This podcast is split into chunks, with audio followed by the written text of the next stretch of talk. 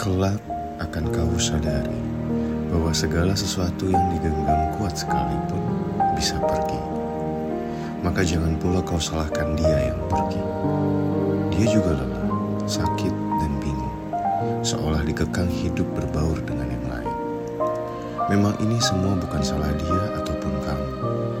Mungkin semesta hanya ingin ada cerita antar kalian berdua, agar nantinya bisa saling memaafkan dan mengambil sebuah.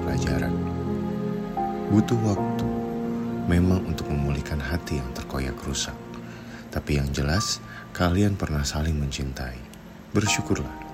Segala sesuatu yang telah terjadi, baik atau buruk, bukan untuk terlalu disenangi atau disesali. Semua hanya pembelajaran. Good night and have a nice dreams.